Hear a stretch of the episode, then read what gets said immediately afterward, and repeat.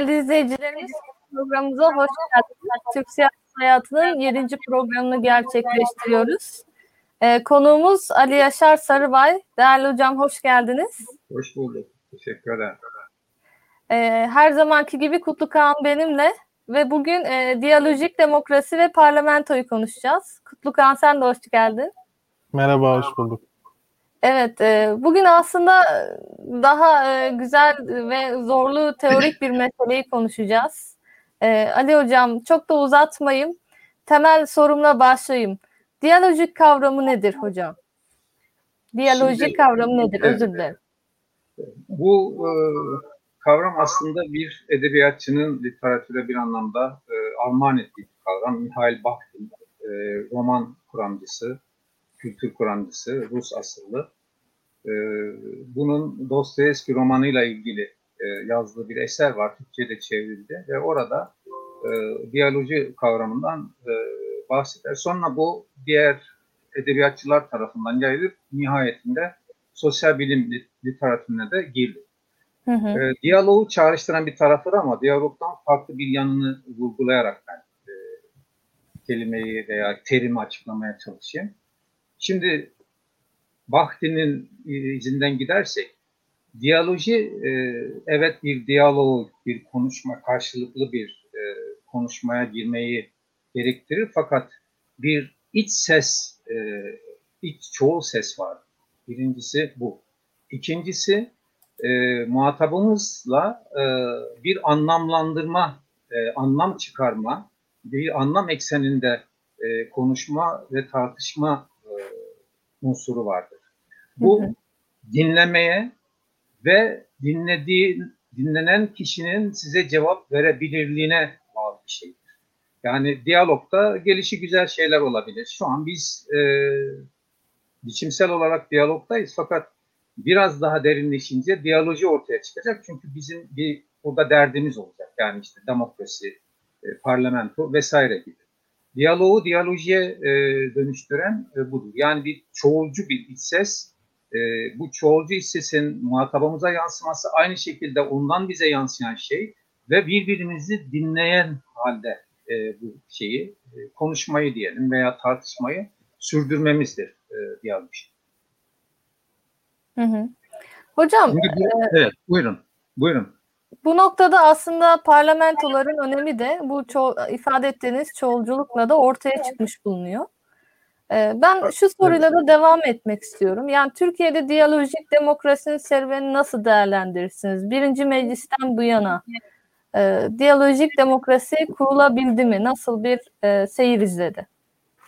Şimdi önce bu o, diyalojik demokrasinin e, bazı unsurlarına e, değinelim. Tabii Evet, evet. ondan önce pa- par- efendim Tabii hocam meclise geçmeden önce diyalojik demokrasiyi bir açarsak çok Tabii. daha faydalı olur. tabii bir de parlamento kavramı üzerinde duralım. Çünkü onun Hı hı. diyalojiyle alakası var. Şimdi parlamentoda e, yani literatüre baktığınız zaman birçok insanın ileri sürdüğü bu İtalyanca e, şeyden geliyor. Parlare Hı hı. ve Fransızca parle. Yani parle ve Fransa de- mesela Fransızca konuşur musun dediğimizde konuşma yani. Ama parlare İtalyanca e, kökenli e, bir şey. Şimdi bu konuşma e, önemli bir şey ve diyalojiyle alakası da dinleyen bir konuşma. Yani karşı tarafı kale alan. Hı hı. özünü şöyle açıklayayım Türkçe bir deyişle. Ağzından çıkanı kulağın duysun derler. İşte. Evet. Yani bu belki kızgınlık anında, tartışma anında söylenebilecek bir şey ama yapılan uyarı ağzından çıkanı iyi düşünmeden yani bir iç sesi e, inşa etmeden, düzenlemeden konuşuyorsun. E, kulağın duymuyor yani. Dolayısıyla karşı tarafın da ne dediğini dinlemiyorsun. Bir kere diyalojinin bu şeyi var. Parlamentonun kökeninde de dediğim gibi İtalyanca kökeninde de konuşma söz konusu. Bakın o da şuradan geliyor. Parlamenter denen bir kişilik vardı Orta Çağ'da. Hı hı. Bu kişilik e, savaş anında taraflar e, arasına girip bunları savaşın dışında bir barışa e, yönlendirmeye veya başka bir seçeneğe yönlendirmeye kendini yükümlü e, gören e, bir tip, bir figür. Fakat Evet. burada müsaade ederseniz e, şeyi kullanacağım. Yani onu vurgulamadan anlaşılması çok kolay olmayabilir. İngilizce e, deyimini kullanacağım. Sword'u word'e çevir. Yani kılıcı söze e, çeviren, çevirmekle yükümlü bir sword. Evet. Malum işte yani word'ün S koyduğunuz zaman malum e, kılıç ama word yani bırakın eli, bu tabi buradaki kılıç sembolik bir şey. Yani bu silah, şiddet, e, sembolik şiddet bile olabilir. Onu bırakın söze e, dönün. Nitekim bunları bulaştırdığı zaman da kendi aralarındaki ilişkiyi e, söze çevirmeyle yükümlü bir işlev gördüğü zaman da parliamentarian dedikleri bir, denen bir şey yapıyor. Buradan gelen bir kere parlamentonun bu anlamda e, son derecede şeyi var, e, önemi var. Tabii e, bunun için e, parlamento e, bir de yani boş boşuna konuşulan bir şey değil tabii. Değil. Sonunda E, özellikle e, 19. yüzyıldan sonra e, siyasal partilerin e, daha gelişmesi ve e, siyasal hayatta rol edinmelerine paralel olarak temsil. Yani parlamento aynı zamanda toplumun çeşitli kesimlerinin yani sözlü nerede söyleyeceksiniz? Parlamentoda. Peki bunlara kim karar verecek? Söz hakkına kimler sahip? Burada da temsil mekanizması çıktı. O da gene kelime kökenine baktığımızda representation yani Latince kökeninde bu e, yeniden e, yani present olanı, şimdi e, olanı, mevcut olanı represent, e, representation dediğimiz zaman yeniden mevcudiyet kazandırma mevcut olma. Bu o zaman şöyle iki aşamalı bir şeyde doğuyor parlamento. E, Bir, birinci aşama biz seçimlerle ne yapıyoruz? Gidip işte e, bizi temsil edecekleri seçiyoruz. Burada biz halk olarak aritmetik şekilde vücut buluyoruz. Sayısal. Yani Hı hı. 50 milyon e, seçmen var. E, bunun işte şu kadarı A partisine bu kadarı B partisine verdiği zaman burada halk sayısal olarak vücut buluyor. Fakat temsilciler aracılığıyla ikinci aşamada iktidarı kullanma yetkisini onlardan alan veya koalisyon olarak veya tek başına onlardan alanlar yeniden mevcudiyet kazandırıyor. Siyasal mevcudiyet kazandırıyor.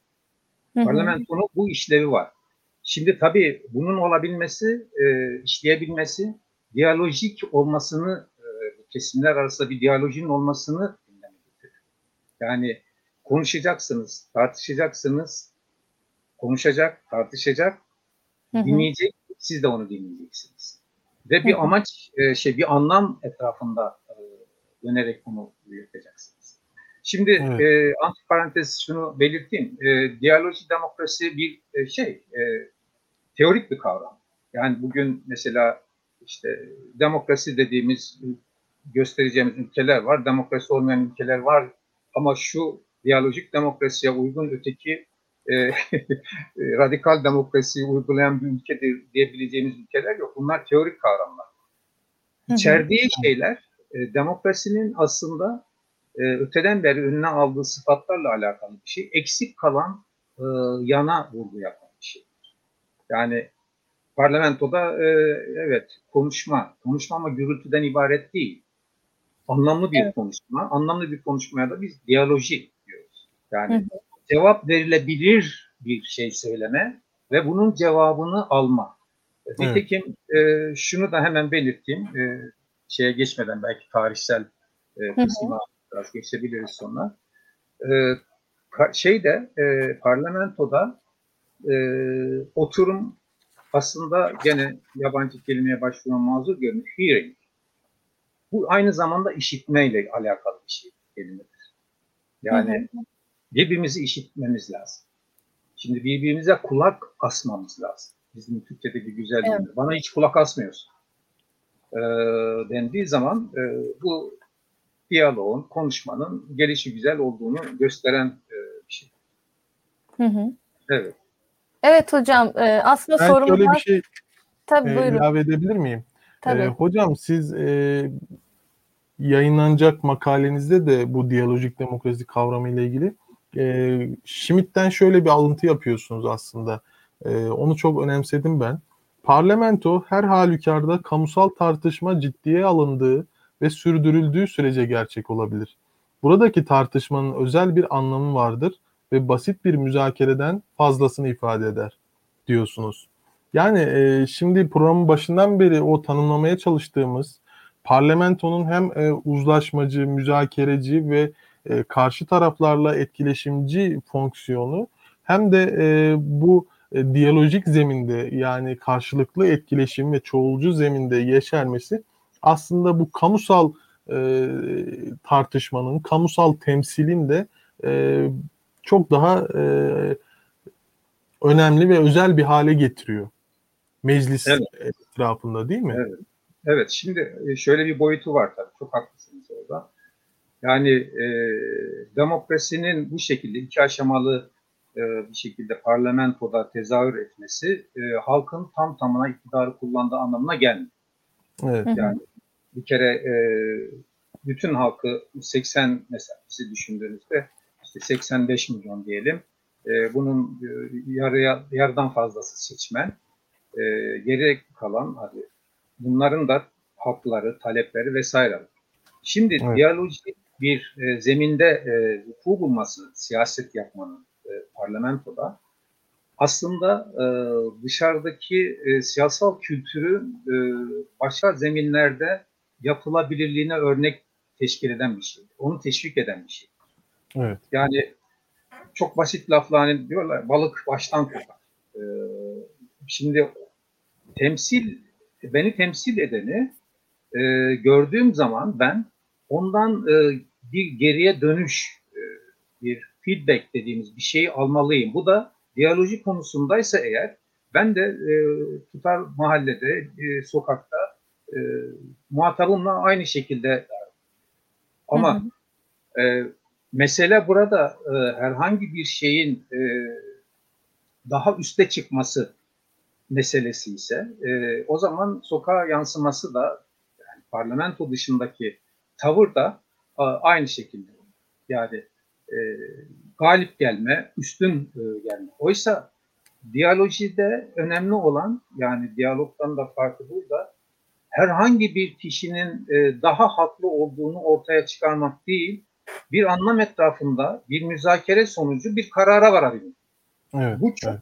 tatmin edici bir şekilde olduğu zaman e, alınan karar sizin aleyhinize de olsa e, bunu kabul etmeniz, e, içine, içinize sindirmeniz çok daha kolay olabilecek bir şey. Evet. E şimdi bu dışarıya da böyle e, yansır.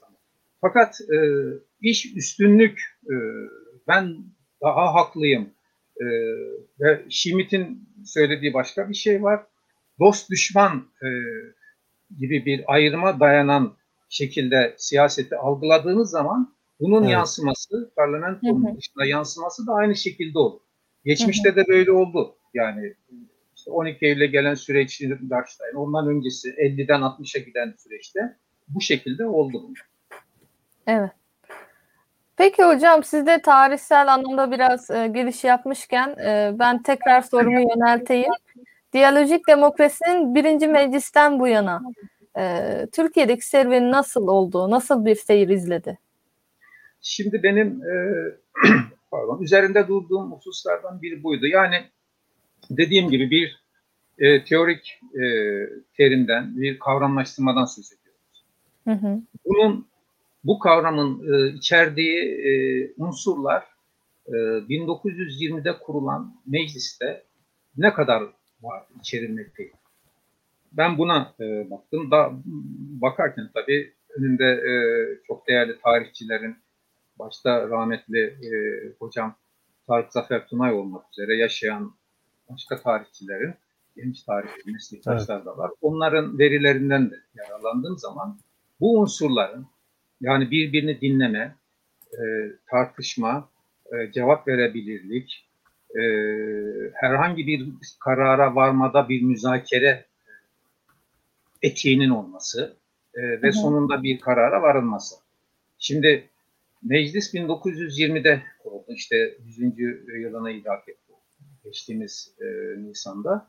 E, 1920'de kurulduğu zaman tabii arka planda diyalojiyi geliştiren e, ya da şöyle söyleyeyim daha doğru bir deyimle diyalojik unsurları içeren e, oluşumlar vardı. Kongreler deniyorlar.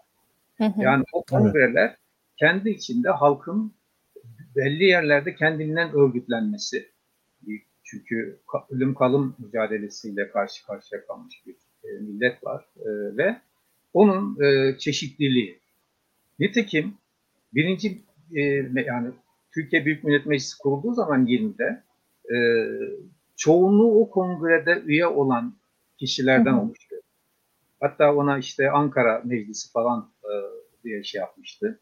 Bir de aslında belli bir dönem sonra e, ikinci e, grup diye yani bir işte Anadolu ünleli Apayi ve e, bunun karşısında olan bir şey. Yani Atatürk'ün arkadaşlarının karşısında bir grup olur. Şimdi baktığınız zaman bir savaş dönemi. Meclis evet. hükümeti var. Ee, savaş devam ediyor yani e, şeyde. E, ve e, oradaki tartışmalar e, ki her zaman söylenir tarih kitaplarında da siyaset kitaplarında da yazılır. E, şaşırtıcı derecede şey e, yoğun şiddetli yani şiddetten kastım alabildiğine korakor e, fikir e, tartışmalar.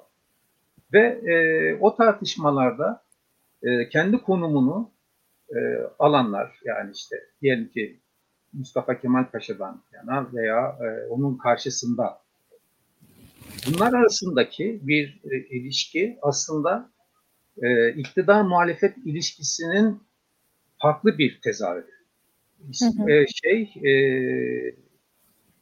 Hüseyin Avni Ulaş Bey e, biz muhalifte murakıbız diye bir laf kullanıyor mesela. Evet.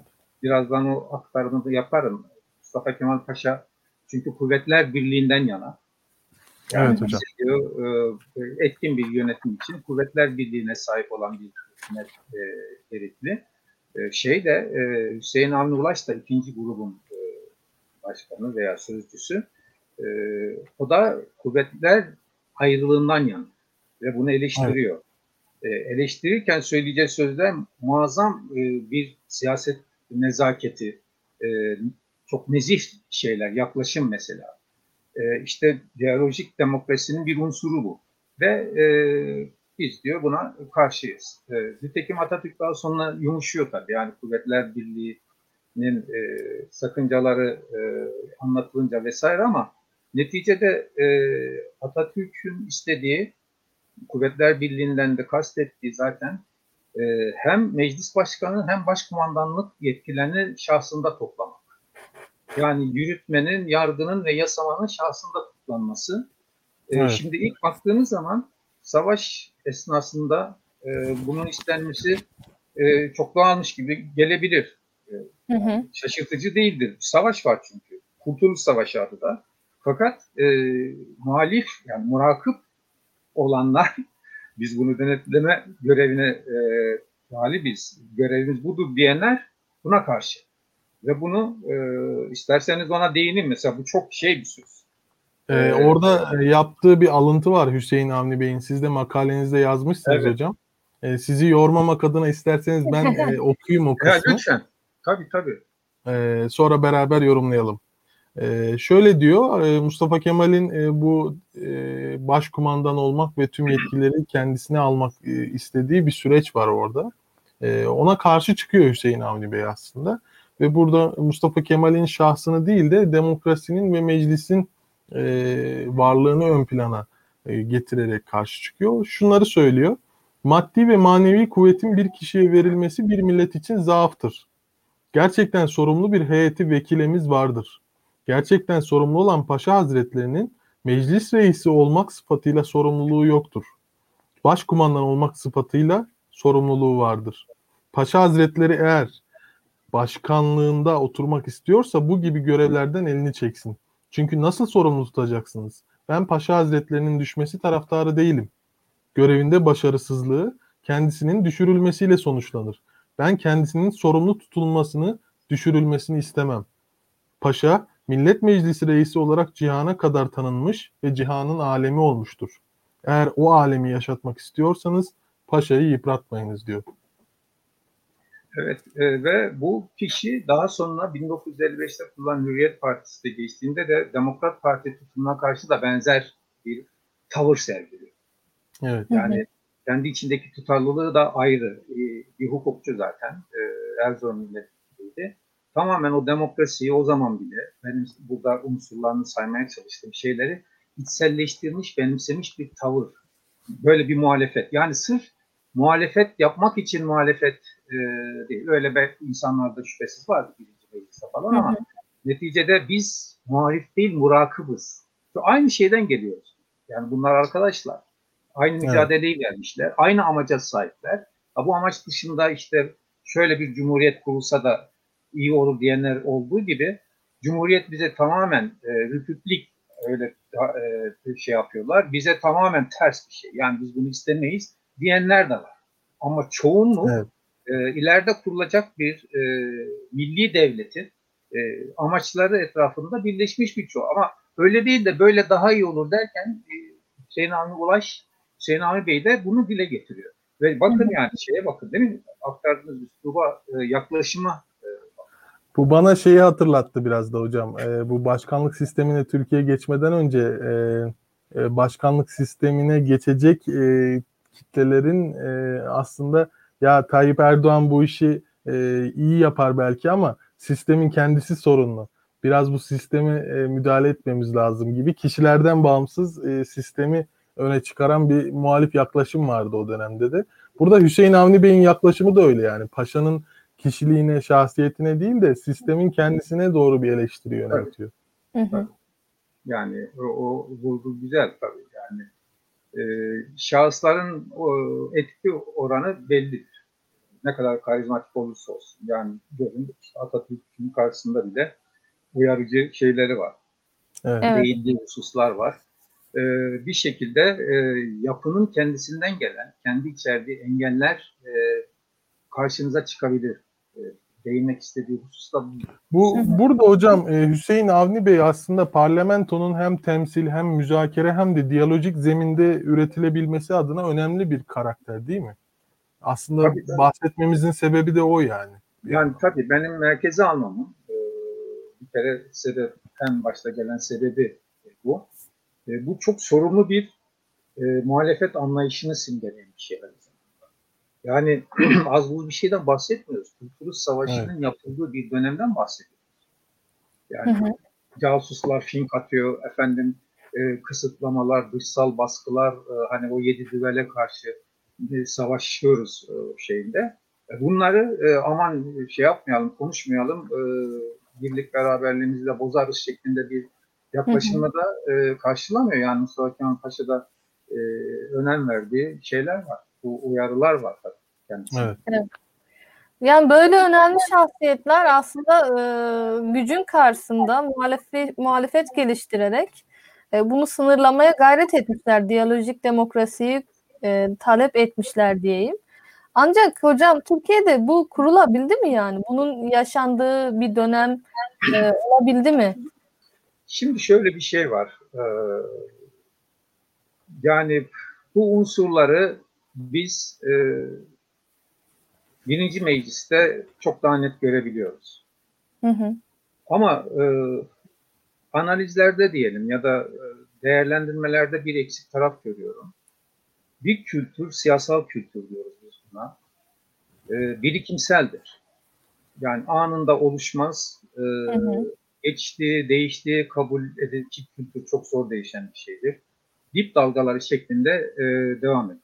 Yani zarf değiş, değişse bile mazruf aynıdır derler ya Türkçe'de. İçinde yani içerdiği şeyler aynı. Şimdi 50'lerden itibaren aldığımız zaman hatta tek parti döneminden itibaren aldığımız zaman bu siyasal kültürün çok e, tabiri caizse arızalı tarafları var. Yani kavgalar, gürültüler, e, cepheleşmeler, yani vatan cephesi var, millet cephesi var. E, Birinci e, e, milliyetçi cephe hükümetleri var, ikinci milliyetçi cephe hükümetleri var mesela. E, Evet. buna benzer kavgalar var parlamentoda. E, idam döneminde olduğu gibi idam kararını kutlayacak kadar parlamentonun yani e, saptığı kendi ontolojisine aykırı hale geldiği durumlar var. Şimdi e, bir de dışsal faktörler, konjonktür. Yani hı hı. 1974'te bir Kıbrıs oldu. E, İkinci Dünya Savaşı yeni bitmiş. NATO'ya mı gireceksiniz, alacaklar mı, almayacaklar mı mücadelesi var. İki kutuplu dünyadan birinin yanında yer almanız gerekiyor. Öbür yanda çünkü Sovyetler Birliği başka bir kutup. E, dünya işte bizim öncülüğümüzde yeniden inşa oluyor. Amerika Birleşik Devletleri. Bunlar şimdi e, ters taraflara e, çekilmesidir. Hı hı. Çok kolay bir şey değil. Yani dıştan baktığınız zaman efendim şöyle olsa çok daha iyi olurdu dediğimiz bir şey değil. Ama tevarüs ediyoruz.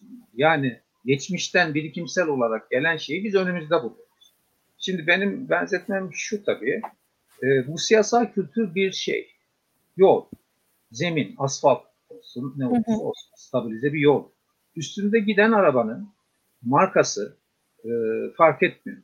Yol eğer arızalıysa, birçok arızayla doluyorsa ve bunun tamiri de çok başarılamamışsa Jaguar'la gitseniz en fazla e, başka bir arabaya göre e, belki 3 kilometre daha fazla gidersiniz ama öteki daha 500 metrede tüketir. Bunu unutmamamız lazım. Şimdi evet. yapılan tartışmalarda biz e, hep aklımızda en son şey kaldığı için tamamen e, bugüne özgü e, ve bugünün aktörlerine muhalefette veya iktidarda fark etmiyor. Bugünün aktörlerine özgü bir şeymiş gibi e, kabul ediyoruz ve bu eksik bir bakış. Yanlış da hatta bazı açılardan. Şimdi hı hı. gelen şey herkese etkileyen bir kültür. Burada e, biz belli şeylere e, yani tavır almayı, cesaretli bir şekilde tavır almayı e, belli bir dönem başarabiliyoruz belki konjonktür e, şey yapınca, değişince e, hemen vazgeçebiliyor. Şimdi bunun sebebi ne olabilir? Bunun sebebi yani çok şey e, pelesenk edildi değil ama e, dışsal bir faktör olarak neoliberalizmin zihniyet, e, kültür anlayışının e, sirayet edişi. Mesela partiler artık eskisi gibi e, özellikle çıktığı dönemlerden sonra e, aldığımızda Avrupa'da Türkiye'de hı hı. E, siyaset e, kurumu olarak e, işlevine bir hakkın yerine getirecek bir ontolojiden yoksun hale geldi. Oy al da nasıl alırsan al. Yani kartel partileri dediğimiz bir e, tipleme vardı siyaset bilimleri taraflarında. Kartel iktisadi bir değil. Yani bir alan düşünün, e, iktisadi alanı beş iç şirketin e, paylaşmış olması. Bir dördüncünün oraya girmesine zaten müsaade edilmez. Kendi aralarında hem gizli örtük bir anlaşma vardır hem de e, paylaşılmış bir e, kar e, oranları var. Şimdi fakat aynı zamanda birbirinin karından koparma, e, çalma şey anlamında yani alma, e, işte propaganda yoluyla, reklam yoluyla vesaire. Siyasette olan bu. Yani iktisadi zihniyetin, siyasi e, zihniyete, akla sirayeti e, söz konusu. Çünkü hı hı. var olmanın, meşru olmanın e, en temel şeyi e, oy tabanının çok geniş olması. Ve Hocam bunu e, neoliberalizme bağlamak e, konusunu biraz daha açabilir misiniz? Yani bu Türkiye'deki siyaset yapım süreçlerinde insan davranışlarını, politik davranışları filan biçimlendiren neoliberalizmden daha e, e, subjektif ve öznel e, meseleler olabilir mi acaba? Bizde bir türlü mesela bu şeyi diyalojik demokrasi ve müzakere kültürünü parlamentoda oturtamayışımızın belki bize az sebepleri de e, öne çıkabilir diye düşünüyorum. Elbette var ama o neoliberalizm kısmı şöyle e, şey yapayım. İktisadi hesabın e, her alana sirayet etmesi. Eğitimde de, sağlıkta da e, bu var. Anlatabiliyor muyum? Yani performans e, işte, şey, e, yükselmeniz için puan toplamanız, mesela akademiyeden bahsediyorsak, evet. tamamen kar zarar e, gibi iktisadi bir e, akıl e, esas oluyor. Şimdi bu kar zarar nedir? Siyasette oy kazanmak, oy kaybetmek anlamında. Böyle olunca diğer faktörle bu birleşince daha tabii e, aşılmaz şeyler çıkıyor, problemler çıkıyor.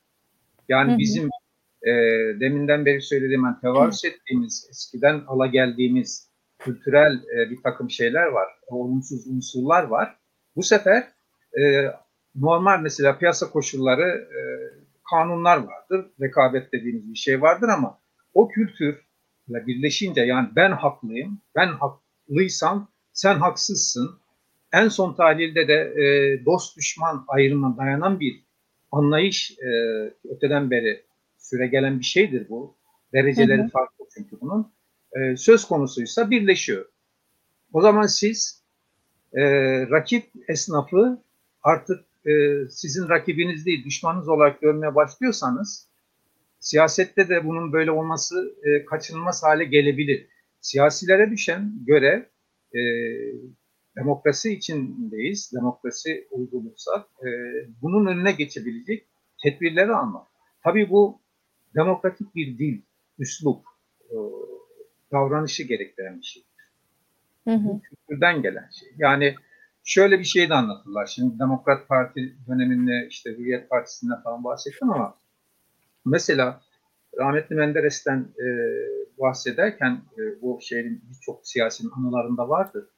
E, öyle bir beyefendi diye kendisini eleştiren birine e, öyle bir beyefendi deyişi var ki küfür gibi de olabiliyor. Ama beyefendi. Mesela e, daha somut olsun diye aktarayım isterseniz bu vesileyle. E, uçakta Amerika'ya giderken e, işte içki yani bu olan bir şey. Hatırata yansıdığı için rahat konuşuyorum. E, arkada daha kendini batılı gören biri, bir gazeteci, ismi önemli değil, önemli bir gazeteci, viski. E, efendim siz ne içeceksiniz? Ben de rakı alırım diyor. E, alaycı bir şekilde gazeteci eğiliyor. Rakı mı içiyorsunuz? Yani alaycı bir üslupla döne veriyor. Beyefendi babanız da mı viski içiyor? yani şimdi bir de şöyle düşünün burada karikatürize edelim. Rakı içiyorum ne olmuş? Anlatabiliyor muyum? Şimdi bu çok önemli bir şey. Yani bakın bunu hatırlayabiliyoruz. Ama İsmet evet. Paşa'nın e, Menderes'in özel hayatına ilişkin bir gazetecinin işte fotoğrafla bunu kanıtladım, bunu seçimlerde de kullanabiliriz diye e, getirdiği bir şeye, bir fotoğrafı Ulus gazetesinde basarsa, tabii Paşa'nın izni olmadan mümkün değil, yırtın atın onu diyor. Onun özel hayatı bizi ilgilendirmez diyebilecek kadar bir şey vardı yani. Her iki tarafta da. Bakın biri savaşlardan gelmiş, ikinci adam dediğimiz İsmet Paşa, biri CHP'nin içinden çıkmış e, bir şey, yani büyük toprak sahibi, gelmiş Ankara'da hukuk fakültesini bitirerek beyefendi olan e, bir kişi Menderes. Evet. Yani hocam aslında her ne pahasına olursa olsun bunu kazanacağız, bunu yapacağız demenin diyalojik demokrasi olan zararını ifade ettiğinizi düşünüyorum burada. Şöyle bir şey var. Yani e, bu bize bağlı değil. Şimdi baktığınız zaman konuştuğumuz şeyler mesela bu kavramlaştırmalar işte siyaset bilimde olsun, sosyolojide, sosyal bilimlerde soyutmuş gibi. Fakat biz e, ideal olmadan, ideal tanımları yapmadan var olanın e, nasıl bir yön alacağı konusunda da e, fikir sahibi olamayız. Zaten bu soyut dediğimiz şeyler e, eğer soyut geliyorsa gözlemlerden kaynaklanan, düşüncede e, formüle edilen şeyler. Yani oturup da bir odaya kapanıp e, ben nasıl bir şey söyleyeyim? E, hı hı. Diyaloji e, demokrasi dersek daha iyi olur ama bunun bir karşılığı nasıl var? Saydığım unsurların tam tamına yerleşememiş olması. Yani bizde değil dünyanın başka ülkelerinde de böyle. Tarih bu anlamda açık uçlu. Nitekim iki figürden, e, diğer figürden de bahsedeyim. Recep Peker'dir. E, yani Hüseyin Avni evet. Ulaş e, kuvvetler ayrılığı, parlamentonun ve hukukun üstünlüğü, parlamentonun daha üstünde daha üst bir akıllı hiçbir zaman kabul edemiyorum, edemem diyen bir şahsiyet var Hüseyin Avni Ulaş. Bir de e, efendim çok partili olursa onun deyimiyle çok fırkalı bir e, rejimde işler e, böyle tıkır tıkır yürümez, karar alma zorlaşır. Onun için e, tek elde toplanması bütün e, kuvvetin daha iyi olur diyen bir Recep Peker var. Evet. Şimdi tarih bunu belirleyecek. Yani bizim içinde bulunduğumuz koşullar. İşte Amerika'ya bakın mesela. Ee, bizim böyle yok demokrasinin beşiği her şey çok şey giderken e, kongre e, masılıyor vesaire. Peki gitmem diye direndi. Her neyse. Bunu belirleyecek olan toplumsal, tarihsel e, somut koşullardır. Ama açık uçlu. Yani teker zihniyeti de ağır basabilir. Bilmem Hüseyin Avni Ulaş zihniyeti de ağır basabilir. Neticede bunlar arasındaki yine de iyi niyetle diyaloji eğer kapısı biraz varsa belki hı hı. başka bir yöne olumlu bir yöne evrilebilirdir. Evet. Ben bir şey ekleyebilir miyim hocam? Tabii, Tabii. Şimdi e, bu parlamentoda müzakere kültürü, uzlaşma ve aynı zamanda e, çoğulcu bir e, anlam birlikteliğini oluşturabilme kabiliyetinin aslında ilk sönümlenmesi de belki Prens Sabahattin'in İttihat Terakki tarafından tasfiye edilmesi de olabilir. Yani o birinci meclisten önce bir vakar, rasyonalist ve biraz daha pozitivist, kurucu devletçi Ahmet Rıza ekolüne karşı serbestiyetçi, ademi merkeziyetçi e, bir Prens Sabahattin var ve İttihat Terakki'den uzun bir mücadelenin sonunda tasfiye ediliyor. Sonra mesela bakıyorsunuz yine birinci mecliste Ali Şükrü Bey var. E, bu Kuvvetler Birliği fikrine yine Mustafa Kemal'e en çok direnenlerden birisi.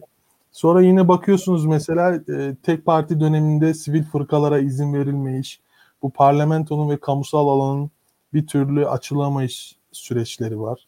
Sonra Demokrat Parti kurulduktan sonra yine gücü e, bir tahakküm aracı olarak görüp e, karşı tarafla bir türlü uzlaşmaya yanaşmadığı dönemler var. Yani özetle şunu söyleyeceğim. E, Türkiye'de tarihsel, siyasal tarih geleneğimizde ne yazık ki e, parlamentoda uzlaşma geleneği bir türlü oturmadı. Ben bunu biraz da e, kültürel kimliklerin siyasetle olan e, çok girift ilişkisine de bağlıyorum. Yani kültürel kimliklerin siyasette kim yapacak bu işi, e, nasıl yapacak değil de kim üzerinden gidecek bu iş sorusunun çok büyük bir anlam, haklılık ve ahlaki e, potansiyel taşıdığını düşünüyorum. Bundan Hı. dolayı da bir türlü herhalde uzlaşma kültürü gelişemiyor bizde. Ne dersiniz hocam? Tabii. Şimdi e, Prens Sabahattin'in tabii o e, malum o şeyin e, e, Padişah Abdülhamit'in e, yeğeni yani Seniha Hanım'ın kız kardeşinin oğlu. Babası da zaten Seniha Hanım'ın şey e, Abdülmecit Efendi padişah. Buna rağmen e, yani sürgüne uğrayan muhalif kalan bir de infiradi toplumdaki yani ferdiyetçi, ferdin özgürlüğüne dayanan, ferde dayanan bir toplum yapısı. Demek ki bunun evet. Tersi e, bu kadar muhalif kalıp işte sürgüne gitmesine sebep olan şey kapsayıcı e, bir şey, e, kuşatıcı bir toplum yapısı. Yani ferdi e, ezen diyelim, silen veya tamamen arka plana iten bir şey var. Şimdi bu gelenek e, sürdü. Yani Cumhuriyet'in e, kuruluşunda e, bambaşka bir yol kazanır gibi oldu, yön kazanır gibi oldu ama mesela şöyle bir şey vardı. Siyasal hayat dersinde de sizin başlığınızda da uygun olarak e, işlediğim bir konu bu. E, çeşitli kaynaklardan yani belgelerden yararlanarak. Şimdi biliyorsunuz iki girişim oldu. 1924'te Terakkiperver Cumhuriyet Partisi çok partili hayata geçiş yani. E, evet. olarak. Öteki de 30'daki serbestlik. Şimdi ikisi de şey oldu. E, başarısız. Yani kapatıldı. Hı hı. Ama e, sözümün veya konuşmamın başında e, bahsettim. Yani İttihat Terakki e, döneminden bahsettim. 10 yılın 5 yılı çoğuldu geçiyor. İşte belli bir zaman diliminde 2 yılda kurulan 32 siyasal partiden ve e, dernekten bahsettim. Şimdi bu nasıl oldu? Bu gizli bir şekilde mi diyeyim ya da e, başka şekillerde tezahür edip e, meydana çıkıp bizim e, farkına varamadığınız veya paylaştığınız bilinç altında bir şey midir? E, patrimonyal sistem. Yani Weberian bir deyim malum. E, toplumu, e, nüfusu aile gibi görmek e, hı hı. ve e, iktidarı kullanan e, parti ve partinin başında fark etmiyor yani bu şahsiyet yapma e, anlamında söylemiyorum. Kendisini e, toplumun, e, ailenin babası olarak İki örnek vereceğim. Biri Atatürk'ten e, verelim. Yani zaten soyadına baktığımız zaman da Atatürk. Yani Türk'ün atası baba. Ata bizde Türkçe'de eski Türkçe'de ne demektir? E, Orta Asya Türkçesinde falan baba zaten. Hı hı. Şimdi 30'da şeyi çağırıyor İsmet Paşa'yla e, Fethi Okyar'ı e, ve şöyle bir konuşma geçiyor. Aralarında bir siyasi çekişme var, e, bir sıklaşma var. E, bunu işte Çankaya'da araya giriyor. E, yani parliamentary dediğimiz demin parlamenter e, şeyini eski orta çağdaki e, fonksiyonu üstlenerek diyor ki Ara siz- bulucu. ara bulucu. Siz diyor benim evlatlarımsınız. Ben sizin babanızım. Siz de benim evlatlarımsınız. Şimdi konuşan e, bir cumhurbaşkanı, biri silah arkadaşı, öteki de çok yakın arkadaşı. E, ama yaklaşım bu. Bu çok tesadüfi değil. Yani e, hadi bunu şeye bağ- bağlayabilirsiniz. Yeni kurulmakta olan bir ulus devlet.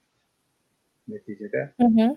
bir müddet öyle gitti. Yani işte 24'te aman daha erken olur kapatıldı. Çünkü hep olgunlaşmamış bir halk, demokrasiyi kavrayamayacak bir halk var. 30'da aman e, gene başımıza iş açılmasın, gene kapatıldı, e, dağıldı. Olur. Ama Demirel, e, rahmetli Demirel'in e, dili de e, posesif bir mülkiyetçi bir dil. Benim memur, benim hocalarım, Evet. benim işçim diye şimdi. Bu şimdi Özal da çok kullanırdı onu herhalde. Tabii ama Demirel'in lakabı da babaydı zaten. Evet. Şimdi bu tabii şahs, şahısların kendilerine biçtiği e, rolden öte bir şey. Halkın da onları öyle görmesiyle ilgili. Evet, evet. Yani kurtar bizi baba diyen e, bir halk vardı Demirel. 12 Hı hı. Eylül'den e, sonra. Ya ama aynı baba muamelesini kurtar bizi diye evrene de yaptı. Şimdi bu, bunları böyle atlayarak yani e, cıvık bir popülizmin e, analizleri alt üst edici bir şeyi var. Tarafı var. Halkım neylerse güzel eyler diye bir şey yok. E, Evet. Çünkü zaman içinde değişiyor kesit olarak. Yani bugünkü yaşayan nüfusla halk olarak adlandırdığımız somut nüfusla 10 seneki aynı değil. 20 seneki sonrası da aynı olmayacak. Ama bu hep var. Şimdi siz kimliğinizi, kimlik ilişkisel bir şey. O şekilde yani halk tarafından o şekilde e, empoze ederseniz karşı tarafa bundan kurtuluş çok kolay olmayabilir neticede. Hocam Çünkü- biraz da e, şeyle mi alakalı acaba bu patrimonyal e, kültürü teşvik eden şey acaba bu devletin e, zatında toplanan denetimsiz güç ve bu gücün kimlikleri, siyasal ideolojileri bir e, tahakküme zorlayıcı, cezbedici tarafları olabilir mi acaba? Yani Ben her ama- iktidar devleti ele geçirdikten sonra çünkü bu cazibenin bir parçası oluyor, bu aygıtın bir parçası oluyor ve buradan ne yazık ki uzlaşma çıkarmasını beklemek yani e, savaşı kazanacağı devlet aygıtıyla beraber mutlak olan birinden karşı tarafa insaf etmesini beklemek gibi bir anlamsızlığa ben- getiriyor bizi. Kutlu Bey ben ilişkisel görüyorum. Şöyle ilişkisel görüyorum. Ee, tekrarladığım bir şeyi burada da anlatayım, somut olsun. Ee, şeyi hatırlayın. Ee, Galatasaray ile Fenerbahçe arasında oynanan Süper Kupa maçı vardı. Yılını unuttum şimdi. Ve e, Saracoğlu'nda oynanıyordu maç. Hı hı. Ve e, Galatasaray kazandı. Şey, Şimdi birden işte elektrikler söndü. Kupa verir yani usul nedir e, orada? E, o kupayı kazanana o sahada vermektir. Fakat Hı hı. ışıklar söndü, kablolar kesildi vesaire. Şimdi hatırlamıyorum. Bir iki saat geçti arada. Evet. Sonra yandı ve verildi. Süreç şöyle gelir. Biliyor musunuz yani? Açıklandı daha sonra. O zaman işte Sayın Cumhurbaşkanı başbakanken başbakana telefon ediliyor. Efendim böyle bir durum. Verelim mi vermeyelim mi burada? Yani bu slatta verelim mi vermeyelim mi? Şimdi Evet. siz de kendinizi başbakan yerine koyun. Yani hakikaten e, X, Y, Z hiç fark etmiyor. Şimdi ya ne biçim insanlarsınız? Bunun için beni rahatsız ediyorsunuz? Başka devletin başka işleri yok mu? Orada bir federasyon başkanı var. Karar alamıyor mu? Der, diyebilir. Hı hı. Hemen yorumunu söyleyeyim. Yani bunu günlük hayatımızda her tür idari kademelerde de görebiliriz. Ya iktidarını kullanamıyor herhalde. Ee, o iş talsar bir şekilde verir, hallolur veya olmaz. Şimdi e, sorulduğu zaman bunu reddede demek ki tıkandı. Verin. Şimdi ikinci bir şeyde aynı şeyi beklerim ben başbakanımız. Mesela benzer bir olayda Aa, niye sormuyorlar bu sefer ya iktidarım mı zayıfladı? Zaafa mı uğradı? Evet. diye düşün. Bakın yani siyaset psikolojisinin önemli bir unsuru. İnsan doğasında bu zaaflar vardır. Bunun siyasetçi, siyasetçi insan neticede. İnsan evet. zaafla e, malum. Yani hepimizde olan şey. Ama siyaseten sizi zaten kışkırtan, e, teşvik eden, e, verilmediği zaman da yap, yapmadığınız zaman da bekleneni, e, rol zaten bekleneni yerine getirmektir. O rol oynamadığınız zaman e, yavaş yavaş yavaş e, iktidarınızın zaafa uğradığına dair bir imajla karşılaşırsınız. Evet, evet. Bunlar birbirini besleyen şeyler. Yani burada iktidar heveslisi e, şahıslar mesela ordunun müdahalesinde de hiç olmayacak bir şeydir. Yani demokraside e, ordunun silahlı kuvvetlerin işlevi belli kurumlar. Fakat e, Canan Evren e, anılarını yazdı. O kaç şimdi unuttum 5-6 cilt bir şey. E, ve o anıları okuduğunuz zaman o mektupları yayınladı. Başka bir gazeteci başka bir yazıda gene bahsetti onun kitapta. E, hadi neredesiniz? Daha gelmiyor musunuz? E, vatan gidiyor, elden gidiyor, kurtarmıyor musunuz? Talepleri yığınla. Bu sefer geldikten sonra gitmiyor musunuz? Kurtar bizi baba. Bunlar ne zaman gidecek? E, aynı şeyler. E, şimdi evet. bunu atlamamamız lazım. Bu birini kollamak, kur, e, kurtarmak falan meselesi değil. Bu siyasi kültürün özü, özelliği. Hı hı. Bunun üzerinde Biraz gittiğiniz... da vatandaş vatandaş olma şuurunun demokrasiyi herhalde yürütmesiyle alakalı bir ilişkisellik var burada. Yani, Demokrasiyi tabii, yürütme becerisi, becerisi bizde çok e, ideal bir noktada değil galiba değil mi hocam? Toplumsal Ne tabanda. becerisi tam anlayamadım. E, yürütme... Demokrasiyi yürütme becerisi bu anlamda uzlaşı ve müzakereyle toplumsal tabanda çok e, becerisi yüksek ya, bir iş değil diyorum. Şey, e, çok şeylere üst düzeylere var. Trafiğe bakın anlarsın. Kurallar var ama kurallara uyanmıyor. Öyle evet. E, evet. E, hep hata karşı taraftadır. E, yol benimdir. Bencilliği var. İşbirliği hiç yok. Tolerans hiç yok. Evet. E, en ufak bir şeyde e, bir hatada derhal kavga, silahlısı en ağırı. Ödüllenler var yani şeyde. E şimdi e, bu nasıl oluyor? Bu bir kültür işte. Yani biz bunu evet. e, Aa, ne güzel kültürümüz vardır diye şey yapamayız. Siyaseten başka tür tezahür etmesi buradaki o içte birikmiş şeylerin patlamasıyla gün yüzüne çıkıyor olabilir. Yani hı küfrediyor milletvekili. Öte, öteki ona saldırıyor. Belki işte ağız alınmayacak şeyler söyleyebiliyor. E sokakta da yapılıyor. Yani bunlar bu kültürün nasıl dönüştürülebileceği meselesi e, onun şeyi yok yani bir reçetesi yok. Somut durumlar bu tür insanları çünkü öncü dediğimiz, avantgard dediğimiz şeyler var. E, kesimler var. Yani buna elit de deseniz vesaire. Kardeşim demokrasi bu değil. Eğer istiyorsak demokrasi bu değil. Tıpkı futboldaki gibi. Hı hı. Yani Hocam şöyle bir e, ilave yapayım o zaman. Türkiye'deki son dönemde yeni nesillerdeki bu e, davranış ve zihniyet kodlarının biraz daha değişmesiyle beraber e, bu süreçte yaşadığımız liyakatsizlik, usulsüzlük, kuralsızlık, e, yasa tanımazlık ve şeffaflığın kaybedilmesi süreçlerine de tanık olan bu nesillerin Türkiye'de bu demokrasi kültürü adına yeni bir e, reçete, yeni bir yol açacağına inanıyor musunuz? Ee, yani bu sosyolojik dönüşüm başladı mı? Böyle bir emare var mı? Valla ben e, çok iyimser değilim öyle söyleyeyim. Çünkü e, çevremde yani bu çevrem dediğim üniversite öğrenci yüz yüze olan şeyleri e, işte çeşitli toplantılara gittiğimiz zaman gördüğünüzde zaten hı hı. bunun içselleştirilmiş bilincine varmış insan sayısı her kesimde az.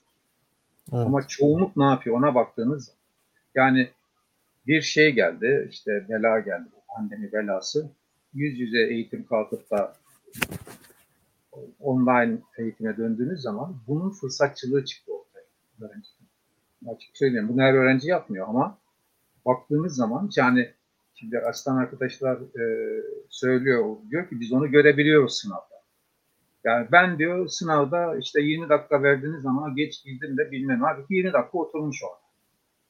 Evet. Ve ben yüz yüze eğitimde de söylüyorum. Yani sınav döneminde nişanlar, ölümler, e, her şey, hastalıklar hep sınav dönemine rast geliyor. Vesaire. Şimdi tüketime çok alışmış, alıştırılmış e, bir toplum var hepimiz. Yani gençler daha da şey. Bir televizyon e, haberi seyrediyordum geçen gün. Yani işsiz e, elindeki şey e, telefonu 5 bin lira, 7 bin lira. Peki taksitle öderim diyor. İşiniz var mı? Yok. Şimdi bu her şeyi anlatıyor. Bir kişi değil ama bu. İki kişi değil. Ve e, siyaset zaten bizden başkalarının düşünüm yapabileceği bir şeydir. Ha, sizin de işinize geliyorsa siyasetçi olarak bunu yapıyorsanız orada büyük bir eksiklik ve bence sorumsuzluk da var. Yani memleket çünkü siyasetçilerin değil ki hepimizin e, iyi bir memleket, e, mutlu, müreffeh, düzgün, e, neyse neyse yani şeyleri e, hepimizi ilgilendiriyor. Ama önce kafamızın önünü süpürme diye bir şey Evet. alışkanlığımız yok yani. Peki patrimonyalizme karşı değişen bir tavır görüyor musunuz yeni sosyolojide? Yeni e, şöyle e, bir arkadaşım hatırlattı. Şimdi unuttum ki o duyduğu bir sözü. Eskiden peder şahi bir aile vardı. Şimdi velet şahi aile döndük. Bu çocukların egemenliği ve e, her istediğini yaptıran bir e, nesil var. Yani e, tüketimcilik e, baba var mı yok mu babasında e, alabilir mi alamaz mı da düşünmüyor. Ya bilmiyorum belki karamsarlığımı bu kadar olduğunu da konuşunca anladım ama e, fazla eleştirel de olabilirim. E, Estağfurullah hocam. benim gösterdiğim sorumluluğu yaşta öğrenci kendi yetişmesi için göster. Şimdi ben bunu görmeyince üzülüyorum ve iyimser olamam açık söyleyeyim. Evet. Yani bir kitap öneriyorsunuz mesela.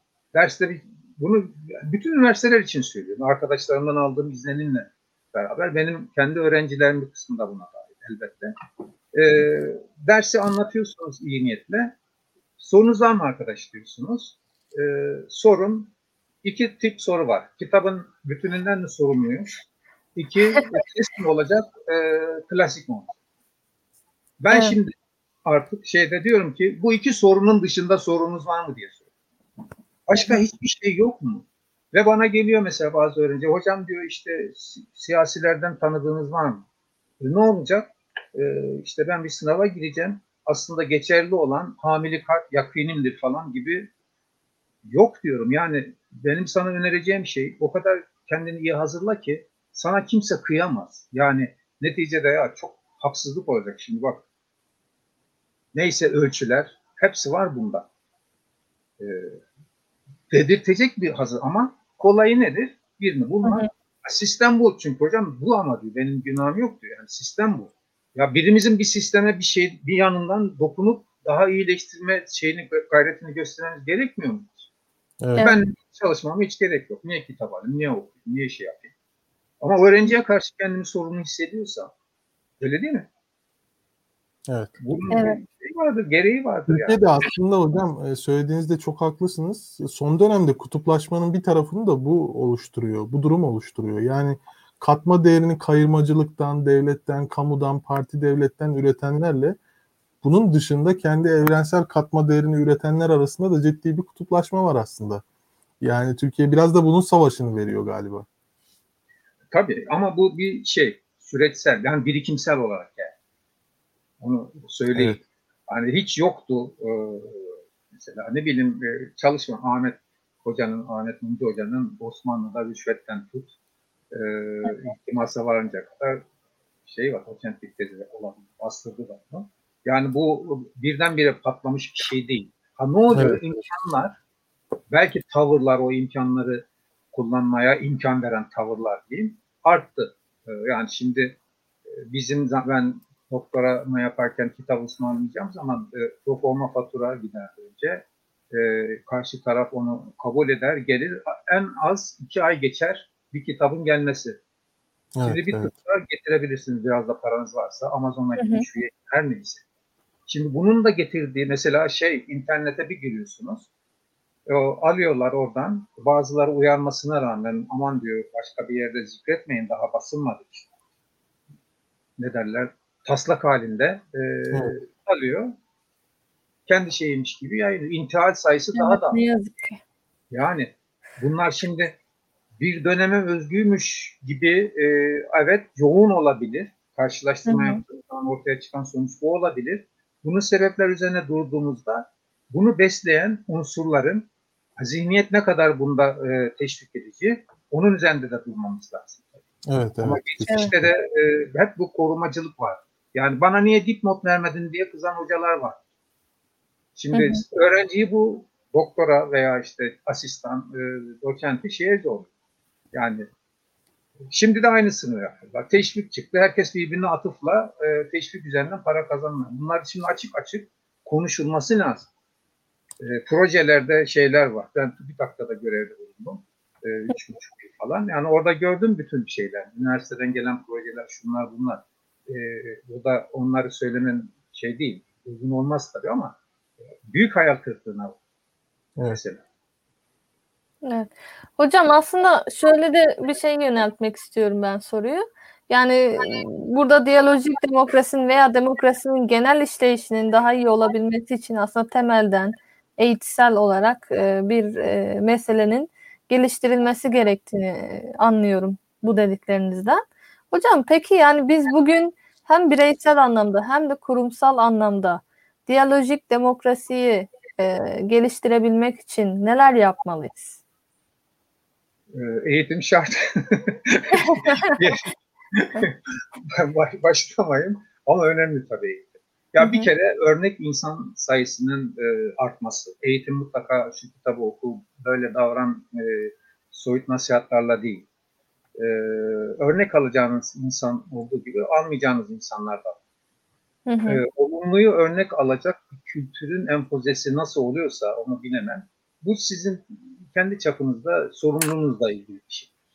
Yani Evet. e, ben kötü bir hocayım, onu örnek alır diyelim. E, yapacağımız bir şey yok. İyi hocayı da örnek alamış. Yani bizler buraya e, ben meslek bile demiyorum. Bu hayat tarzına yöneldiğimiz zaman yani önümüzde duran olumlu örneklere e, bak. Onların Hı teşviki oldu vesaire oldu. Şimdi burada da böyle. Ben o elde ettiğim bu fırsatı kaçırmam. Enayi miyim? Zaten her şey ben enayi miyim sorusuyla başlıyor biliyor musunuz? Ben herkes kopya çekiyor. Ben e, enayi miyim? Ben de çekerim. Herkes çalıyor, yazıyor. Ben enayi miyim? Ben de yazarım. Bunu aşabilmektir. Asıl iktidar da reddedebilme kapasitenizin olması bazı şey. Yoksa kolay. Hı hı. Parayı da reddedebilirsiniz. Çok kolay. Size bir şey önerirler. Ben enayi miyim tabii ya niye e, bunu almayayım dediğiniz anda bu çarpan etkisiyle iktisadi deyimle yayılır e, ve karşınıza çıkandığında bu sefer şöyle bir tarafımız var onu da söyleyeyim. Zamanda oluyor galiba. E, yani buna da 200 bir tarafımız diyelim. Hem yaparız hem e, şikayet ederiz. Hı hı. Ya kimse üstüne bir şey almaz. Almıyor toplum. Herkes Evet. başkasının sorunu. Buna yansıtma diyoruz psikoloji. Ee, ben değilim sorumlu. Ah şu hoca olmasın, notu kıt. Çalışmıyor. Ah Hı hı. şu işte torpilliler ne güzel. Bizim torpilimiz yok. Bulsaydık biz de şimdi girmiştik. E, girenlerin hepsi sanki suçlamaya da tabi oluyor. E, efendim bunlar e, işte torpilli olduğu için. Bunu söyleyenler de bu sosyal medya bu açıdan dolu şeylerle, mesajlarla. Hı hı. Ya dil konusunda mesela böyle bir şey yaz. Orada bile o kutulaşmayı yapıverdiler hemen. Bunlar Evet. ya, şu- ya budur dilden geçtiyse. E, ne güzel ama. Hı hı. Sen kendi başarısızlığını yansıt. Her şeyde böyle. Peki Evet. hocam bugün için meclisin durumunu ve e, diyalojik demokrasinin e, durumunu nasıl değerlendirirsiniz? Şimdi e, Ve yarın ne olacak? Nasıl bir Efendim? gelecek Evet. bizi bekliyor? Ve yarın için ne öngörebiliriz? Şimdi tabii e, Cumhurbaşkanlığı hükümet sistemiyle meclisin e, fonksiyonu parlamenter sistemdeki fonksiyonundan daha başka bir şekilde.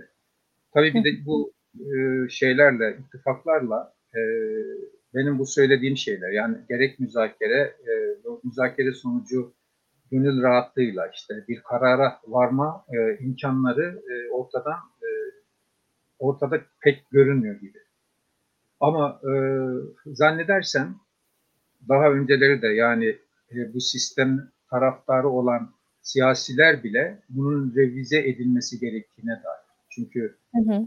mesele şahıslara, iktidarı yöneten şahıslara zarar vermesi, partinin efendim oyunun şu olması olmasının ötesinde e, Türkiye ile ilgili bir mesele. E, bunun üzerine düşünülüyor, düşünülecektir. Yani baktığınız zaman bir takım mekanizmalar, bizim parlamenter sistemde alıştığımız e, mekanizmalar e, işlevsiz gibi e, görünüyor. Yani, yani sorudan tutun işte meclis araştırması, soruşturması. Artık bir noktadan sonra iş hani e, mazur görünüyor o metaforum ama bir maçta artık böyle şey başladığı zaman faul karşılıklı e, gidiyor. Bir daha onu düzeltmeniz zorlaşıyor ve e, berbat bir maç seyrediyorsunuz sonunda. Kim galip geldi, Evet. kim mağlup geldi artık önem kazanmıyor. Bundan Hı hı. biraz çıkması lazım e, tarafların. E, Valla bu tabii öğüt şeklinde benim hakkımı da aşıyor. Olmaz. E, ama benim bildiğim, benim gördüğüm, okuduğum şeyleri parlamentoda e, benden çok daha belki iyi veren, okuyan insanlar da var. Hayata geçirmek gerekiyor. Yani e, o anlamda bir murakip olmanın daha ön planda e, olduğu, muhalif olmanın, muhalif olmaktan kasıt nasıl e, çelme takarım değil. Yani Hı hı. murakip olarak ama murakip o, olmanın bir hakkın işleyebilmesi için o mekanizmaların da hakkıyla işletilmesi lazım. O zaman suçlayabilirsiniz. Mekanizma var, sen bunu kullanmıyorsun ancak e, şahsiyet yapıyorsun denir. Bunlar hep beraber yeniden düşünmemiz lazım. Parlamento içinde düşünülebilir, dışından düşünülmek. Dışından düşünmeli, siyaset bilimcileri, sosyal bilimciler, çeşitli pro işte bu program bile bir şeydir yani, bir imkan, kanal mesela. Evet. Ben Çok şey teşekkür ediyorum. miyim? Tabii. Efendim? Buyurun. Ee, Ben e, şöyle bir katkı sunayım hocam müsaade ederseniz. Ee, Türkiye'de bu son dönemde yaşadığımız partili cumhurbaşkanlığı sisteminde e, bu demokratik e, parlamentonun, uzlaşmanın, müzakere edilebilirliğin ve beraber bir siyasi süreç inşa edebilmenin çok tahrip edildiği bir dönem geçirdik. E, bu dönem tabii ki bir tepkiselliğe de sebep oldu. Yani popülist, otoriter bir e, ben yaptımcılık aslında tabanda bir o kadar da e, bir karşı geri bildirime sebep oluyor. E, bu bildirim, karşı geri bildirim e, olabildiğince de benim gözlemlediğim kadarıyla yükseliyor. Yani yarınlar için parlamenter sistemin, güçlü parlamenter sisteme dönüş çabalarının daha merkezde, daha müzakereci ve daha uzlaşmayı e, öne çıkaran bir yaklaşımla e, inşa edileceği kaygısını ben e, toplumda da siyasetçilerde de görüyorum aslında. Umarım bu havada kalmaz. Bilmiyorum siz ne düşünürsünüz? Ya hiçbir şekilde kalmaz. Böyle gitmesin bir şey. Ee, bunun sadece e, rahatsızlığını duyan bizler değiliz. Yani seçmenler olarak, e, ne bileyim işte meslek mensupları vesaire olarak. Elbette e, kaynaklar var. Ekonomik kaynaklar, e, sosyal kaynaklar. Bunların neticede e, etkin bir biçimde sonuç vermemesi halinde e, daha kim olursa olsun bunu düşünecek ve düzeltme sorumluluğunu hissedecektir tabii. Ama burada bir işbirliğine Süreç açıklık biraz bizi oraya itiyor galiba değil mi kendi kendine? mecburuz. Yani bakın dünyada olup bitenlere bakın. Şimdi bu şey bittikten sonra e, inşallah gelmeyen kısa zamanda biter ama pandemi sona erdikten sonra her şey eskisi gibi eskisine dönecek değil. Onu söyleyeyim. Bir kere ekonomiler nasıl? İki, ikincisi ekonomik ilişkilerin alacağı mahiyet. E, Hı hı. buna baktığınız zaman e, bazı şeylerin e, tekrar gözden geçirilmesine e, belki büyük radikal reformların yapılmasına sebep olacak her ülke. E, Evet, Şimdi evet. buna tabii bir, yani yapılacak kim olursa olsun şu an yapacağınız şey konuşmakla olmuyor. Yani esnaf zor durumda ama açtığınız zaman nüfus zor durumda. Yani paradoks çok büyük. Ulaşıma işte belli bir yaştaki insanlar binmesin. Bindiğiniz zaman e, yaygın ulaş şeyi e, hızı daha fazla olacak. Yani o paradoksları aşmak çok kolay görünüyor. Ya mümkün olduğu kadar e, aşmaya çalışmak lazım. Yani elimizdeki imkanlar neye el veriyorsa tabii E, onunla da sorunu da aranıyordur insanlar umarım. Ya, öyle olacak. Umarım hocam, umarım. Evet. Hocam bir de e, ben programı kapatırken sizin e, bu kıymetli eserinizi çok e, istifade ettiğimiz Evet. e, Türk siyasal hayatında e, çok değerli yazarlarla e, akademik makalelerin derleme türüyle bir araya getirildiği ve e, birçok insan için de e, büyük bir katma değere sahip olduğu bu kitabı Ersin Kalaycıoğlu ile beraber. Evet, Ersin Ersin Kalaycı. birlikte e, derlediğiniz, editörlüğünü yaptığınız bu kitabı e, seyircilerimize de tanıtmış ve önermiş olalım. Hala aynı yayın evinden mi basılıyor bilmiyorum. Evet, Sentez. evet. Yani bu son baskısı e, oradan kaçıncı baskı şimdi bilmiyorum ama e, Yani çok değerli çok değerli yazarlar var hocam. Ben e, şimdi elime almışken tanıtmadan bırakmayın. Profesör yazsanız. Arat. Twitter, Arat. siz ya Şampiyonlar Ligi gibi bir şey. Evet, Evet evet. Şampiyonlar Ligi gibi bir seri. evet, pardon. Profesör Yeşim Arat, Niyazi Berkes, Nilüfer Göle, Şükrü Hanioğlu, Metin Heper, Nihal Kara, Ersin Kalaycıoğlu, Ali Kazancıgil, Mehmet Ali Kılıçbay, Şerif Mardin, Cemil Oktay, İlber Ortaylı, Süleyman Seyfi Öğün, Ali Yaşar Sarıbay siz hocam, Tarık Zafer Tuna'ya, İlter Turan ve Mümtazer Türköne ile beraber hazırladığınız çok değerli bir eser. Sağ olun. Evet programımıza katıldığınız için çok teşekkür ederiz hocam. Ben de Ee, teşekkür çok ederim. memnun olduk. Çok Evet. sağ olun. Zevk aldım. Teşekkür ederim. Sağ olun Umarım izleyicilerimiz de beğenmiştir. Türk Siyasal Hayatı programının gelecek bölümünde görüşmek dileğiyle diyelim.